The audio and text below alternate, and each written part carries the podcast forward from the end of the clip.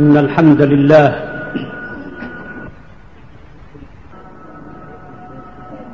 ليس معه إله غيره.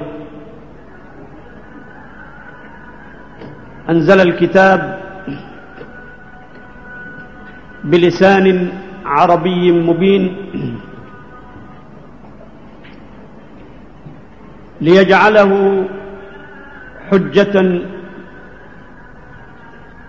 دائمة باقية إلى يوم الدين. وأمر رسوله صلى الله عليه وسلم أن يبين لأمته ما اشتبه عليهم من آيات الكتاب وأن يدلهم على كل معنى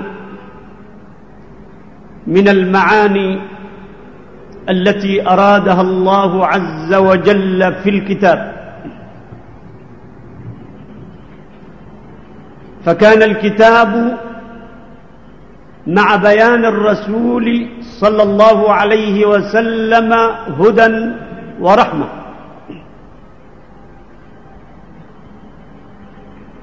وأشهد أن محمدا عبده ورسوله أرسله بالهدى ودين الحق وأمره أن يتلو الكتاب وأن يبين للناس ما نزل إليهم ولعلهم يتذكرون صلى الله وسلم وبارك على عبد الله ورسوله محمد وعلى آله وصحبه ومن دعا بدعوته إلى يوم الدين. أما بعد فإن الله عز وجل يقول أعوذ بالله من الشيطان الرجيم بسم الله الرحمن الرحيم. سبحان الذي أسرى بعبده ليلا من المسجد الحرام إلى المسجد الأقصى. إلى المسجد الأقصى الذي باركنا حوله لنريه من آياتنا. إنه هو السميع البصير. هذه الآية الكريمة من أول سورة الإسراء والتي تسمى أيضا سورة بني إسرائيل.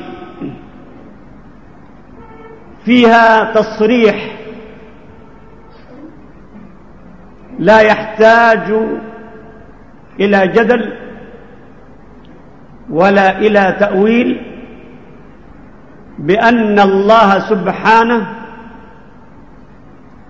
أسرى بعبده يعني سار ليلا بعبده محمد صلى الله عليه وسلم من المسجد الحرام الذي بمكة إلى المسجد الأقصى الذي بالشام. وأنه جعل هذا الإسراء لحكمة عظيمة. وهو أن يري عبده محمدا صلى الله عليه وسلم من آياته الكبرى. ثم ختم الآية الكريمة باسمين كريمين من أسمائه سبحانه فقال إنه هو السميع البصير. السميع لأقوال عباده. مؤمنهم وكافرهم مصدقهم ومكذبهم والبصير بأحوالهم المطلع على أعمالهم فيجزيهم بها يوم القيامة يوم تجزى كل نفس بما عملت وهم لا يظلمون. كانت حادثة الإسراء حق حقا لا ريب فيه بمنطوق القرآن العظيم فلا لجاجة ولا مكابرة في وقوع الإسراء. بعدما أخبر عنها القرآن العظيم. وكل جحد وإنكار للإسراء فهو كفر بالله وتكذيب بصريح القرآن. لكن الناس قد يختلفون فيما وراء ذلك. بعد أن يؤمنوا بوقوع الإسراء يحلو لهم أن يختلفوا هذا الاختلاف. هل كان الإسراء بالجسد والروح معا؟ أو كان بالروح وحدها؟ وإذا كان بالروح وحدها فهل كان يقظة أو مناما؟ نحن وإن كنا لا نخرج أحدا من هؤلاء المختلفين من دائرة الإسلام بعدما آمنوا بالإسراء. لكننا ندعو كل الناس إلى أن يؤمنوا بما هو أقرب إلى ألفاظ القرآن العظيم. فليس كل قول يقال يكون حقا. بل يجب علينا أن نوازن بين الأقوال والآراء وأن نرجح أقربها إلى النص. فكلما قرب الرأي من النص ومن ظاهر اللفظ كان أقرب إلى الصواب. إن هذه الآية نفسها تدل على أن الإسراء كان بالجسد والروح جميعا وأنه كان يقظة لا مناما. لأن الله عز وجل يبدأها بالسبحان فيسبح نفسه والتسبيح لا يكون إلا عند الأمر العجيب الذي فيه غرابة. ولو كان الإسراء بالروح وحدها لم يكن فيه عجب ولا غرابة. ثم يقول سبحانه أسرى بعبده ولفظ العبد إنما يطلق على مجموع البدن والروح. يطلق على الشخص كله. فلا يقال للروح وحدها عبد. وإنما يقال عبد إذا كان المراد الشخص كله بجسده وروحه. ثم يقول أسرى بعبده ليلا. من المسجد الحرام إلى المسجد الأقصى. وهنا تحديد لابتداء الرحلة ونهايتها. ثم يقول لنريه من آياتنا والإراءة إنما تكون للعين وللبصر. فهذا هو ما دلت عليه الآية الكريمة. وهناك دلائل أخرى تشهد لهذا. وهو ما ورد في أحاديث الإسراء والمعراج المتفق على صحتها من أنه صلى الله عليه وسلم أتي بالبراق. والبراق دابة لا يحتاج إلى ركوبها إلا البدن. فالروح في مسراها ليست بحاجة إلى مركب تركبه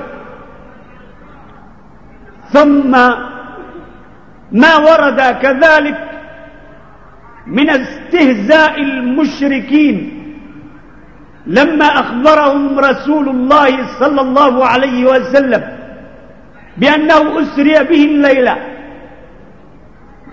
من مكة إلى بيت المقدس.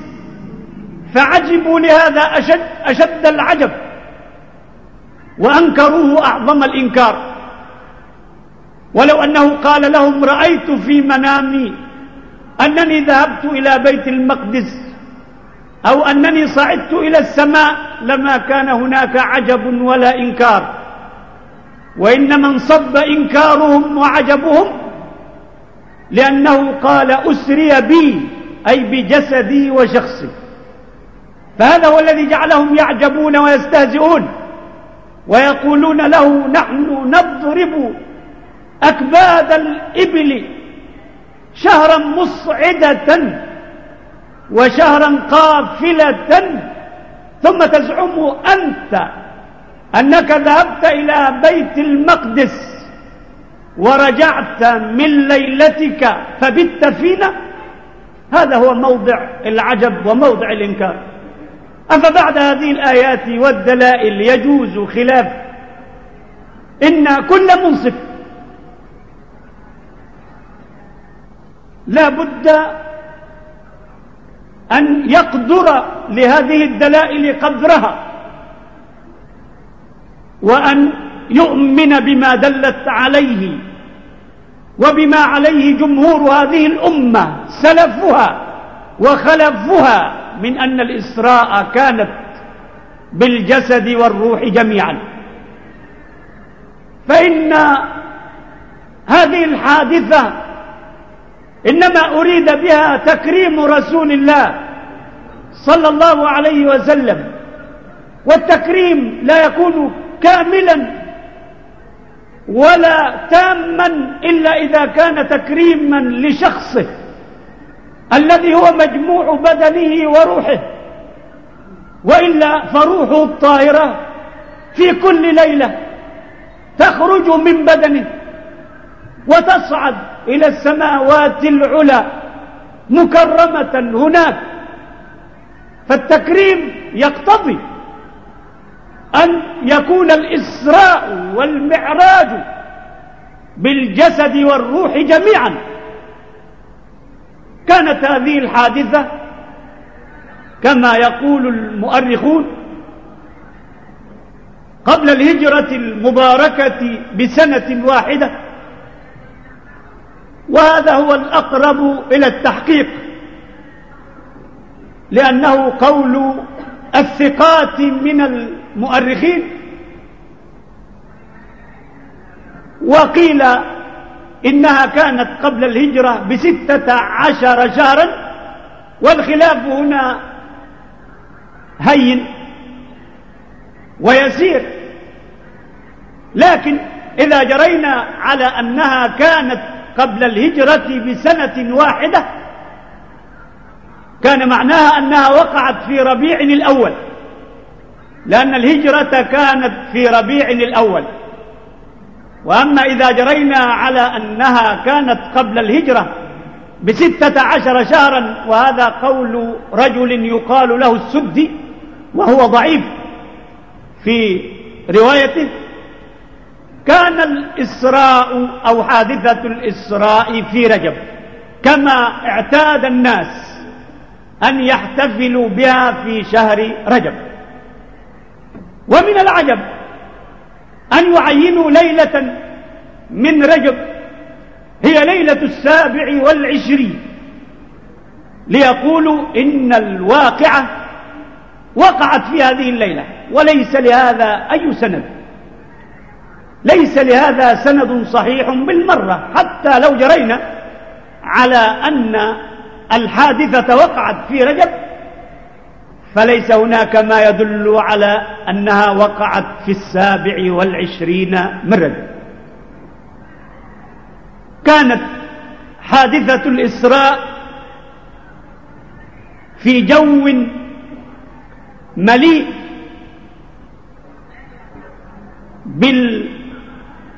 بالمآسي والأحزان التي أحاطت بالدعوة وبصاحب الدعوة صلوات الله وسلامه عليه. لقد كان يعاني خلال هذه الفترة التي وقعت فيها الإسراء من ظلم قريش ومن جرأتها عليه ومن استخفافها به. ما تنوء به الجبال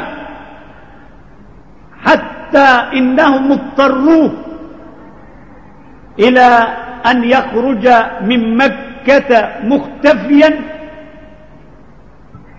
فيذهب إلى ثقيف بالطائف يدعوها إلى نصرته وحمايته حتى يبلغ رسالة ربه. وقطع رسول الله صلى الله عليه وسلم تلك الرحلة الشاقة سائرا على قدميه وليس معه إلا مولاه زيد بن حارثة رضي الله عنه. فليهنأ أهل الخطوة بخطوتهم.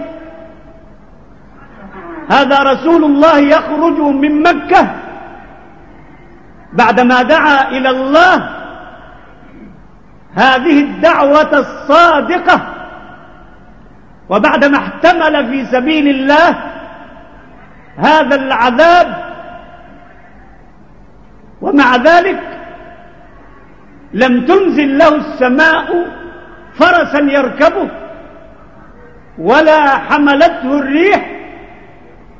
وإنما أرادت السماء أن يطأ هذه الأرض بقدميه حتى يعلو بكل خطوة قدره. علوا فوق علو لأنها قدم اغبرت في سبيل الله. ذهب إلى ثقيف بالطائف وعرض عليهم الإسلام ودعاهم إلى الله. وبشرهم بالجنة إنهم آووه ونصروه حتى يبلغ رسالة ربه. فلم يجد منهم إلا الصدود والإعراض والجبهة والغلظة. فكلما دخل على واحد من سادتها طرده وأمر أن يخرج من داره. اذهب عنا. إننا لا نريد أن تقع بيننا وبين قريش عداوة من أجلك. لا نريد دينك. لا كذا لا كذا. وهو صابر. مستسلم لحكم الله. مكث فيهم نحو من عشرة أيام. ماذا كان يأكل في هذه الأيام؟ وهو بين قوم لئام. ماذا كان يشرب؟ أين كان ينام؟ لا أحد يسأل عن هذا. فإن هذا شيء فوق ما يحتمله غيره من البشر وبهذا فضله الله على سائر البشر. ولما يئس منهم قفل راجعا إلى مكة. بعدما طلب من القوم أن يخفوا رحلته عن قريش وأن لا يخبروهم بمسيره إليهم. ولكن القوم كانوا لآما أشد اللؤم. فحتى هذا الطلب الذي تهش له المروءة العربية حتى هذا الطلب اليسير أبوه عليه. وقالوا لا بد أن نخبر قريشا بما كان. ثم تركهم. وانصرف مهموما. مكدودا. يسير في غير وعي.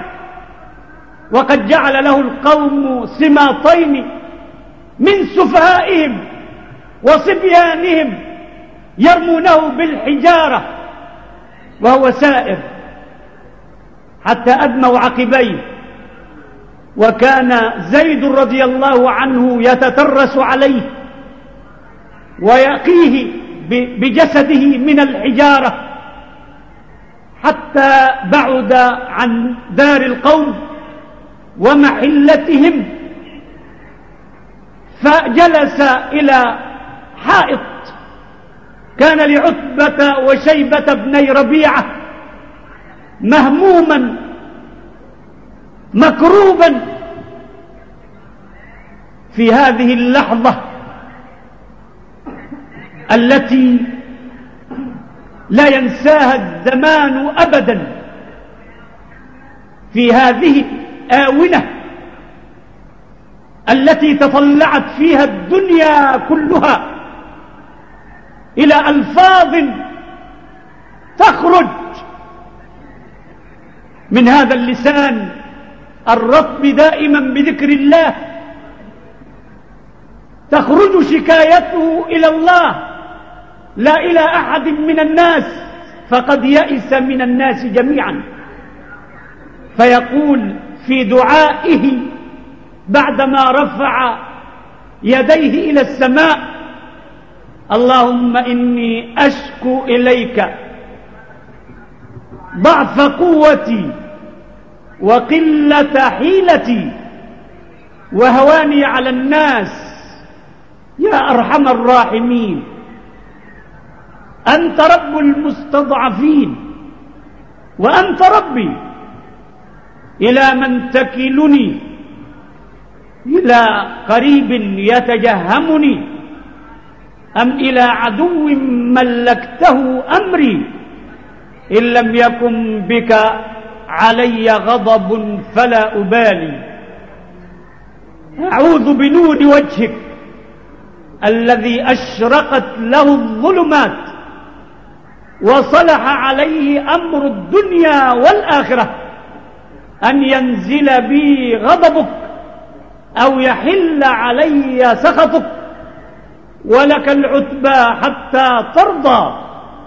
ولا حول ولا قوة إلا بالله. سمعت السماء لشكاية داعي السماء صلوات الله وسلامه عليه.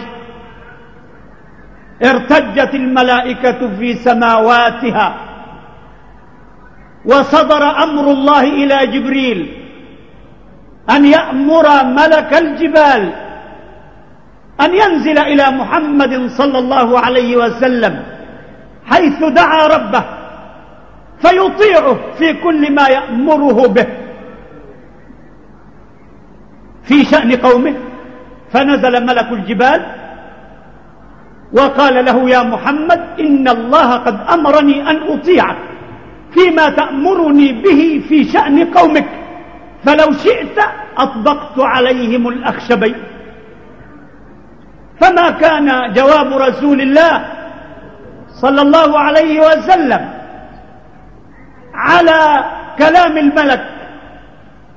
هل فرح بأن الملك جاء يعرض عليه هلاك قومه؟ هل رغب في التعجيل بنهايتهم؟ لا. بل قال له إني أستأني بهم. لعل الله أن يخرج من أصلابهم. من يعبده وحده ولا يشرك به شيئا. لم يقل رسول الله صلى الله عليه وسلم كما قال نوح داعيا على قومه رب لا تذر على الأرض من الكافرين ديارا إنك إن تذرهم يضلوا عبادك. ولا يلدوا إلا فاجرا كفارا. ولم يقل كما قال موسى داعيا على فرعون وقومه ربنا اطمس على أموالهم واشدد على قلوبهم فلا يؤمنوا حتى يروا العذاب الأليم. بل كان بقومه رؤوفا رحيما.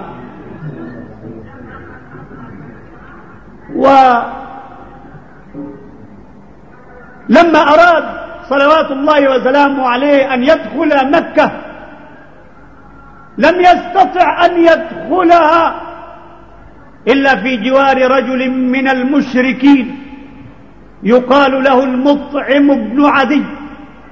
بعدما عرض على بعض أشراف قريش أن يجيروه فأبوا عليه ذلك لكن المطعم بن عدي هلل لهذه الرغبة ونزلت من نفسه مكانة عظيمة وخرج هو وبنوه بسيوفهم يحمون رسول الله ويحيطون به حتى دخل مكة وحتى طاف بالبيت الحرام ثم أوصلوه إلى بيته.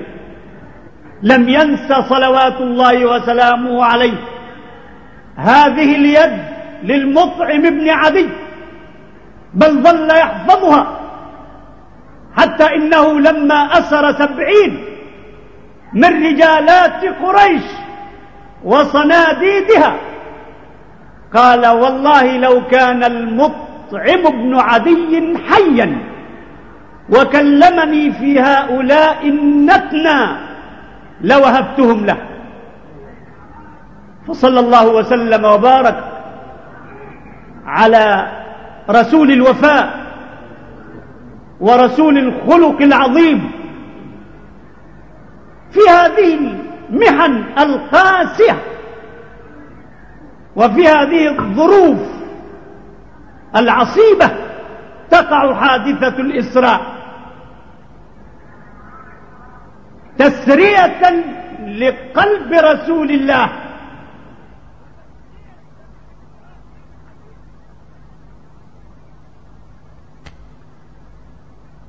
إغراء بالمال ولا إغراء بالملك ولا إغراء بالسيادة كما لا يرهبه في سبيلها تهديد ولا وعيد.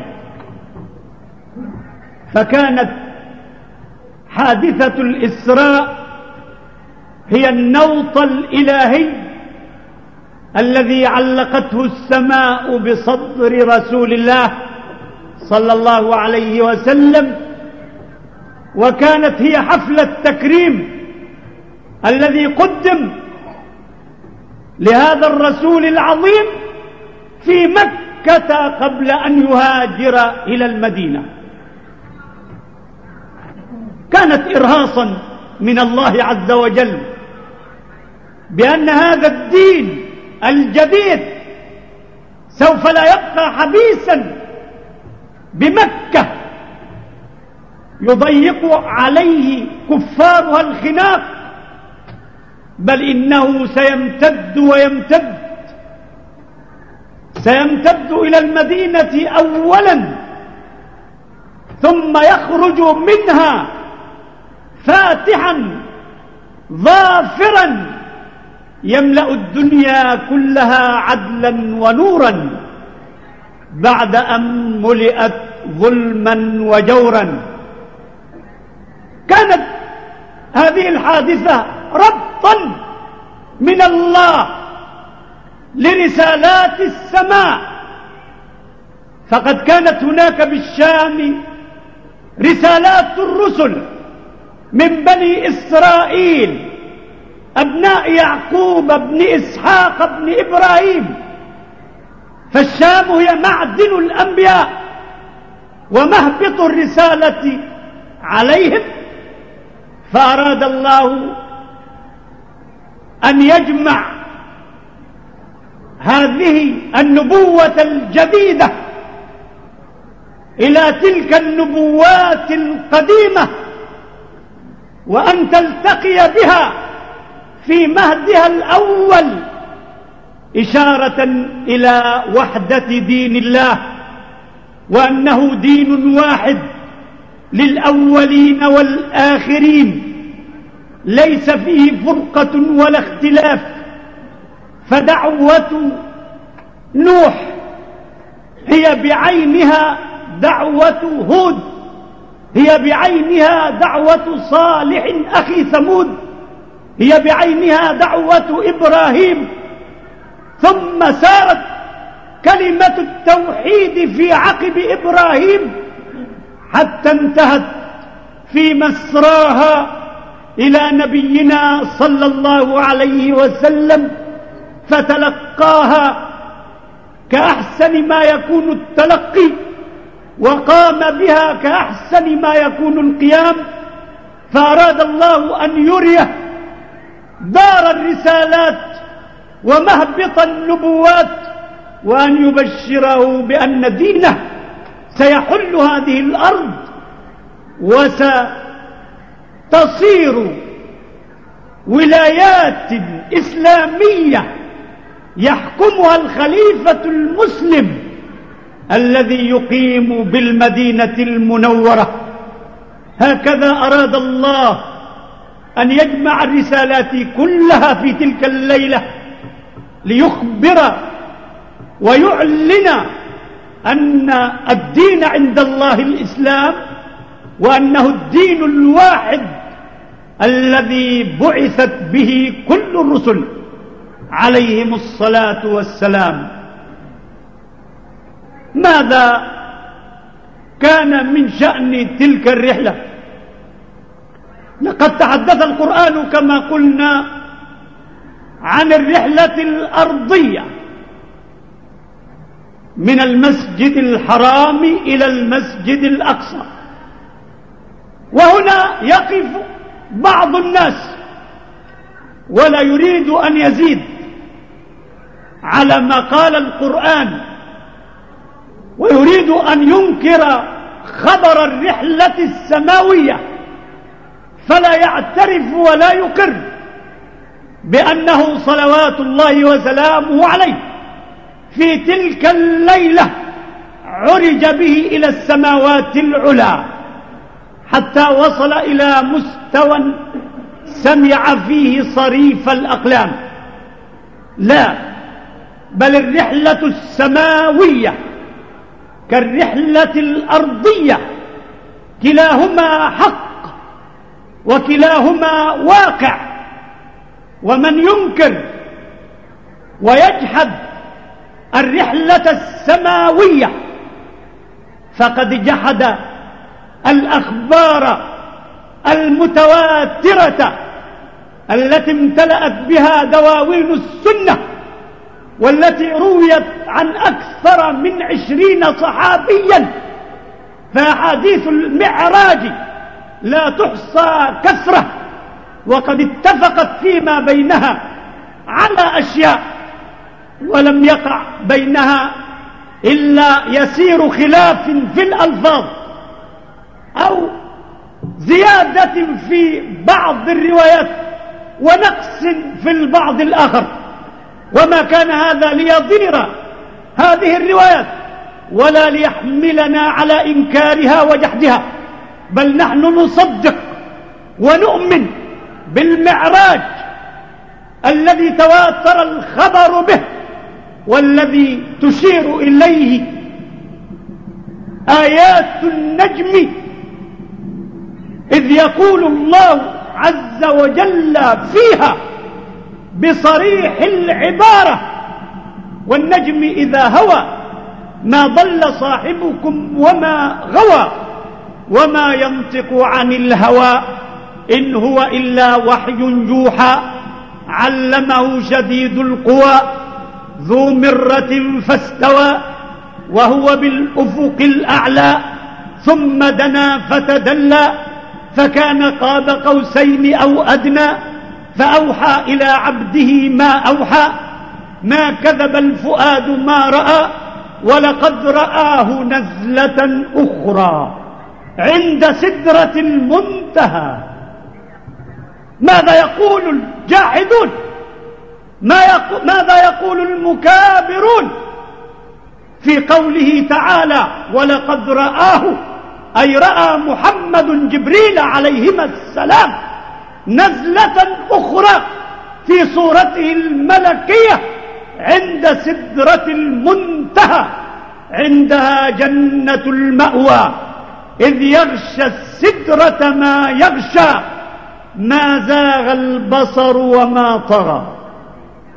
هذه الآية الكريمة تريد أن ترد على من يقول إنه رآه لكن رآه رؤيا منام أو رؤيا روح. فقال الله عز وجل ردا ودفعا لمن ينكر أن محمدا صلى الله عليه وسلم رأى جبريل عند سدرة المنتهى ببصره لا رؤيا منام ولا رؤيا بالروح. يقول ما زاغ البصر وما طغى لقد رأى من آيات ربه الكبرى. ومع ذلك فنحن نرى أن هذه الآيات صريحة كصريح كصريح الإسراء كما صرحت آية الإسراء بالإسراء. فقد صرحت هذه الآيات بالمعراج. ثم الأحاديث التي لا تحصى كثرة عن نسب المعراج له صلى الله عليه وسلم وصعوده عليه وهي أحاديث متفق عليها في دواوين السنة كلها. وبحسبها من القوة أن يرويها الشيخان اللذان اتفقت الأمة على قبول روايتهما. حتى قال بعض المحدثين إنما اتفق عليه الشيخان يفيد القطع كالقرآن ولا يجوز أبدا رد حديث ورد في الشيخين. واتفقت عليه روايتاهما. بل يجب أخذه بالقبول والتسليم. فكيف؟ وهي ليست رواية واحدة في كل منهما بل هي روايات وروايات. غير ما يوجد في دواوين السنة من مسند أحمد أو أبي يعلى أو أبي داود أو الترمذي أو غيرها من كتب السنة. فهو أمر اتفقت عليه الأمة وأجمعت عليه في كل عصر وفي كل جيل ولم ينكره إلا ملاحدة معطلون جاحدون. لا يروق لهم إلا الإنكار وإلا الجحد. مهما أقمت لهم من الأدلة.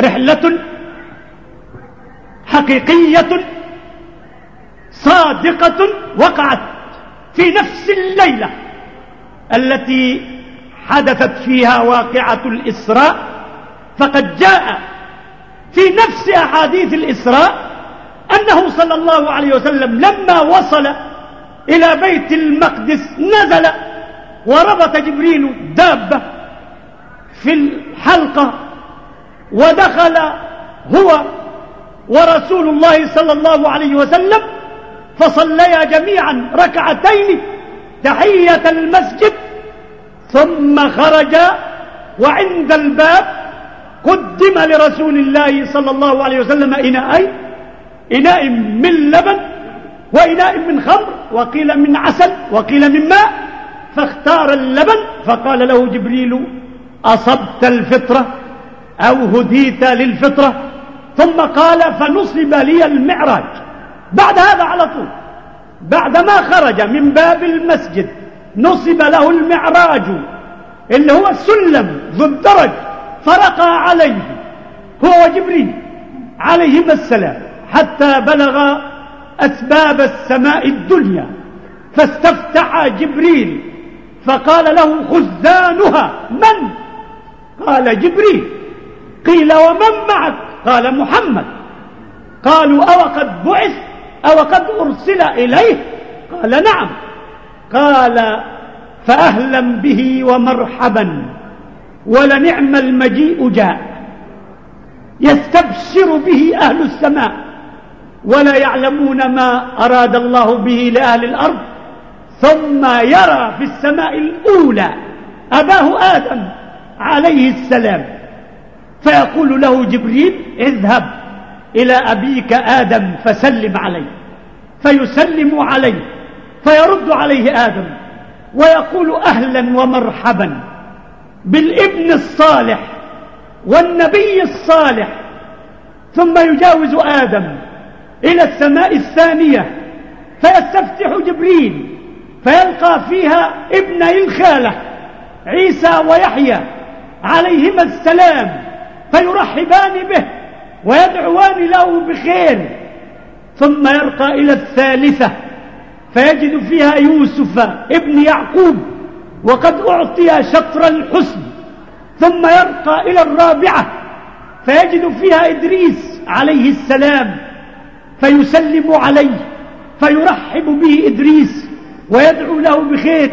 ثم يلقى في الخامسة هارون. ذلك الرجل المحبب في قومه. ثم يلقى في السادسة موسى كليم الله ثم يلقى في السابعة إبراهيم خليل الرحمن ثم يصل إلى سدرة المنتهى ويقول صلوات الله وسلامه عليه في وصفها لقد غشيها من أمر الله ما غشيها فتغيرت فلم يستطع أحد أن يصفها من حسنها ويقول إن أوراقها كآذان الفيلة وإن ثمارها كقلال هجر.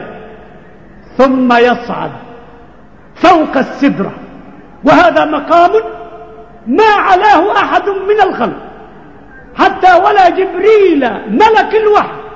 لا يستطيع أن يجاوز السدرة ولكن ضيف الليلة ذلك الضيف الكريم على ربه أذن له في أن يدنو ويدنو ويقرب ويقرب فتجاوز السدرة حتى وصل إلى مستوى سمع فيه صريف الأقلام وغشيته سحابة فيها من كل لون وكان من ربه قاب قوسين أو أدنى وحينئذ سمع نداء الرب جل شأنه يقول له من فوقه يا محمد إني منذ خلقت السماوات والأرض فرضت عليك وعلى أمتك خمسين صلاة كل يوم وليلة. وهنا انقشعت عنه السحابة يعني انتهت المقابلة الملكية.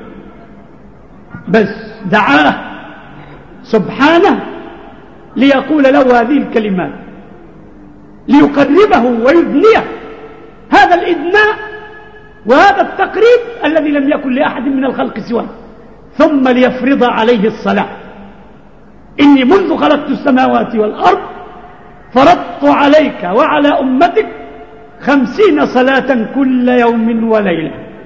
فيرجع رسول الله صلى الله عليه وسلم حيث كان ينتظره جبريل فيهبط به جبريل فيمران على إبراهيم فلا يقول له شيئا.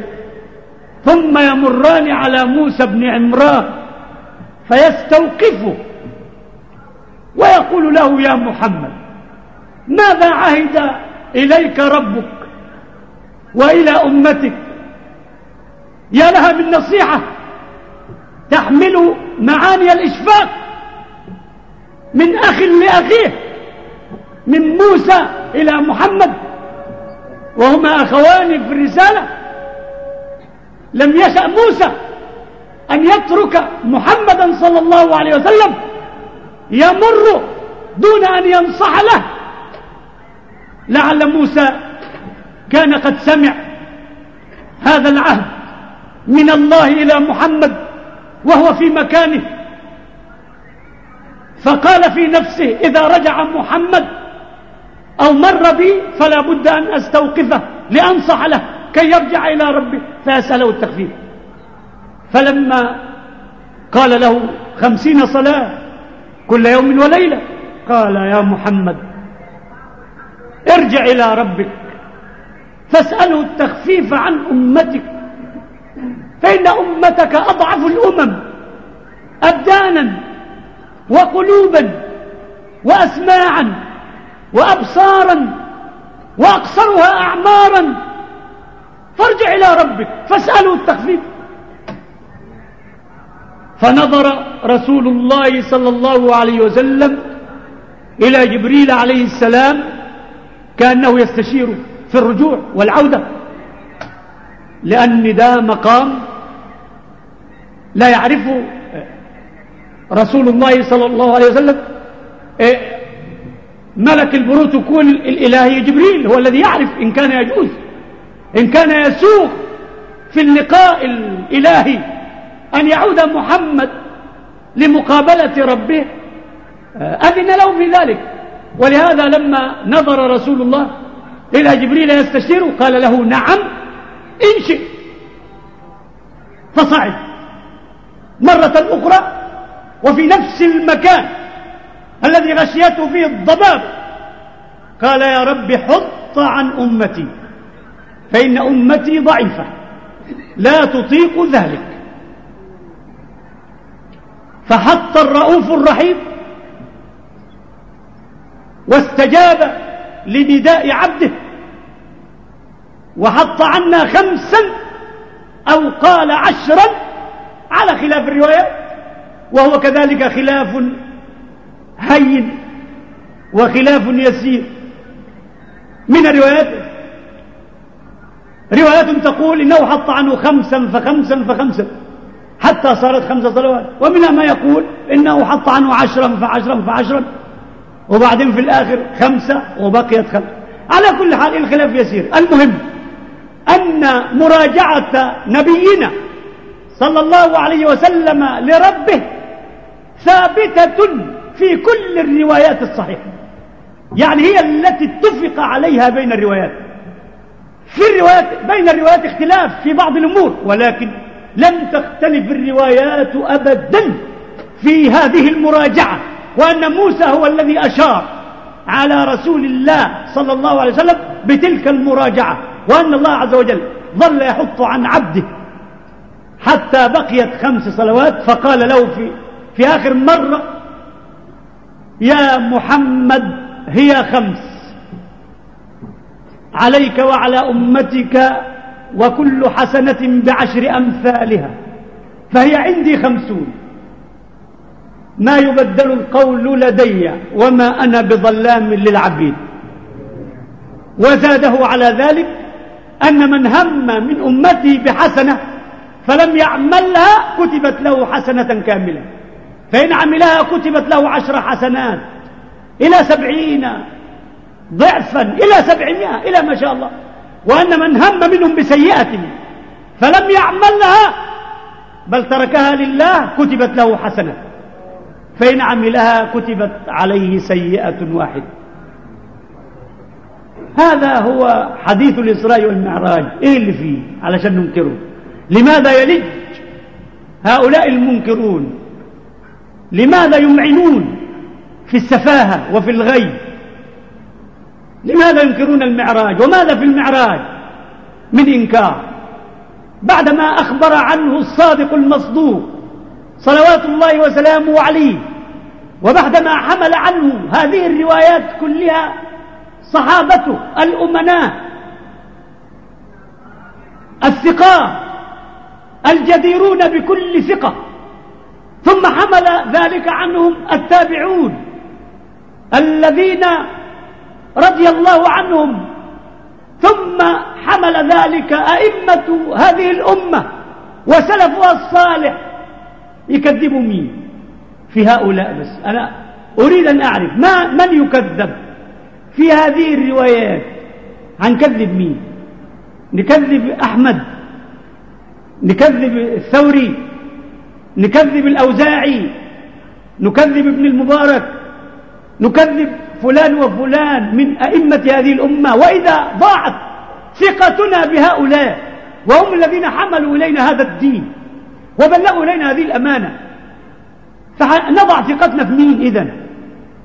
من نصدق بعد هؤلاء؟ إذا, إذا كان هؤلاء عندنا في موضع الاتهام فمن نصدق بعد هؤلاء الكرام؟ من نصدق فيا قوم اتقوا الله في دينكم. اتقوا الله ولا تسمعوا لهؤلاء الهلافين لهؤلاء المبرسمين. إنهم بين, بين, بين أمرين. إما مخدوعون مضللون وإما عملاء مأجورون. فلا نصدقهم أبدا. فننفض أيدينا من أكرم تراث وأغلى كنز وضعه الله بين أيدينا وهو كنز السنة المطهرة التي تضيء لنا الطريق في هذه الظلمات التي تغشانا بين الحين والحين. إنها هي التي تبصرنا الطريق وتهدينا السبيل. كيف نعيش بلا سنة؟ كيف نعيش بلا حياة؟ إن السنة هي الحياة. فكيف نعيش بلا حياة؟ كيف نعيش هملا؟ كيف نعيش بدون أدب؟ نأخذه من نبينا صلى الله عليه وسلم. شفت في الدنيا. واحد ينزل عليه كتاب ثم يسكت عن بيان هذا الكتاب وهو مأمور بالبيان. يعني كانت مهمته صلوات الله وسلامه عليه أن يقرأ القرآن فقط كما يقرأه فلان وفلان. هل كان قارئا فقط؟ أم كان مطبقا؟ وكان مبينا؟ إذا كانت المهمة القراءة كل واحد يقدر يقرأ. كانت مهمته بس يقول لهم تعالوا ما أقرأ عليكم. سورة الجثية سبحان الله. كيف؟ كيف نقطع الصلة بيننا وبين هذا النور؟ فنعيش في الظلام. كيف نقطع السنة من القرآن وقد وصل الله بينهما؟ هؤلاء الذين يقطعون ما أمر الله به أن يوصل السنة والقرآن توأمان أمر الله أن توصل أن يوصل القرآن بالسنة وأن يفهم الكتاب بالسنة. فمن قطع القرآن عن السنة فقد ضل ضلالا بعيدا. وكل الطوائف التي اعتمدت في دينها على القرآن بس وقطعت الحبل الذي ربط القرآن بالسنة ضلت ضلالا بعيدا. وهاكم الخوارج. كان سبب ضلالهم هو تعويلهم على القرآن ورفضهم السنن حتى إنهم أنكروا الرجم. وهو ثابت بالتواتر والسنن الصحيحة وأنكروا المسعى الخفين وأنكروا كثيرا من السنن لأنهم اعتمدوا على القرآن. فلما لم يجدوا في القرآن ما دلت عليه السنة أنكروه وكفروا به. وجد المعتزلة برضه. كذلك أنكروا كثيرا من السنن لكن كان موقفهم أخف من موقف الخوارج لأنهم صدقوا ببعض الأحاديث وأنكروا البعض. على كل حال هناك قانون للقبول وقانون للرفض. فلا نقبل كل شيء ولا نرفض كل شيء بل معنى الميزان الذي نزن به الأقوال والأخبار. فالخبر الذي يجوز القنطرة ويرجح في الميزان خلاص نقبله على العين والرأس الخبر الذي يتعثر ويطيش في الميزان نرفضه ولا كرامة.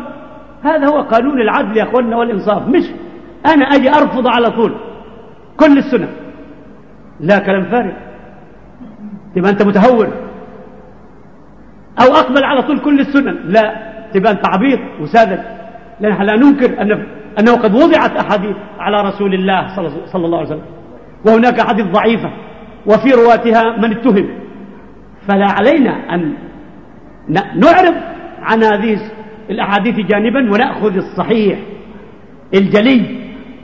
اللي بيتألق كتألق الشمس كتألق الفجر نأخذه على العين والرأس. وأئمتنا رضي الله عنهم قد كفونا هذه المؤنة قد كفونا مؤنة البحث عن الأحاديث فغربلوها مرة وبعدين نخلوها مرة حتى أخرجوا لنا الزبد الزبدة الخالصة التي لا يشك فيها أحد.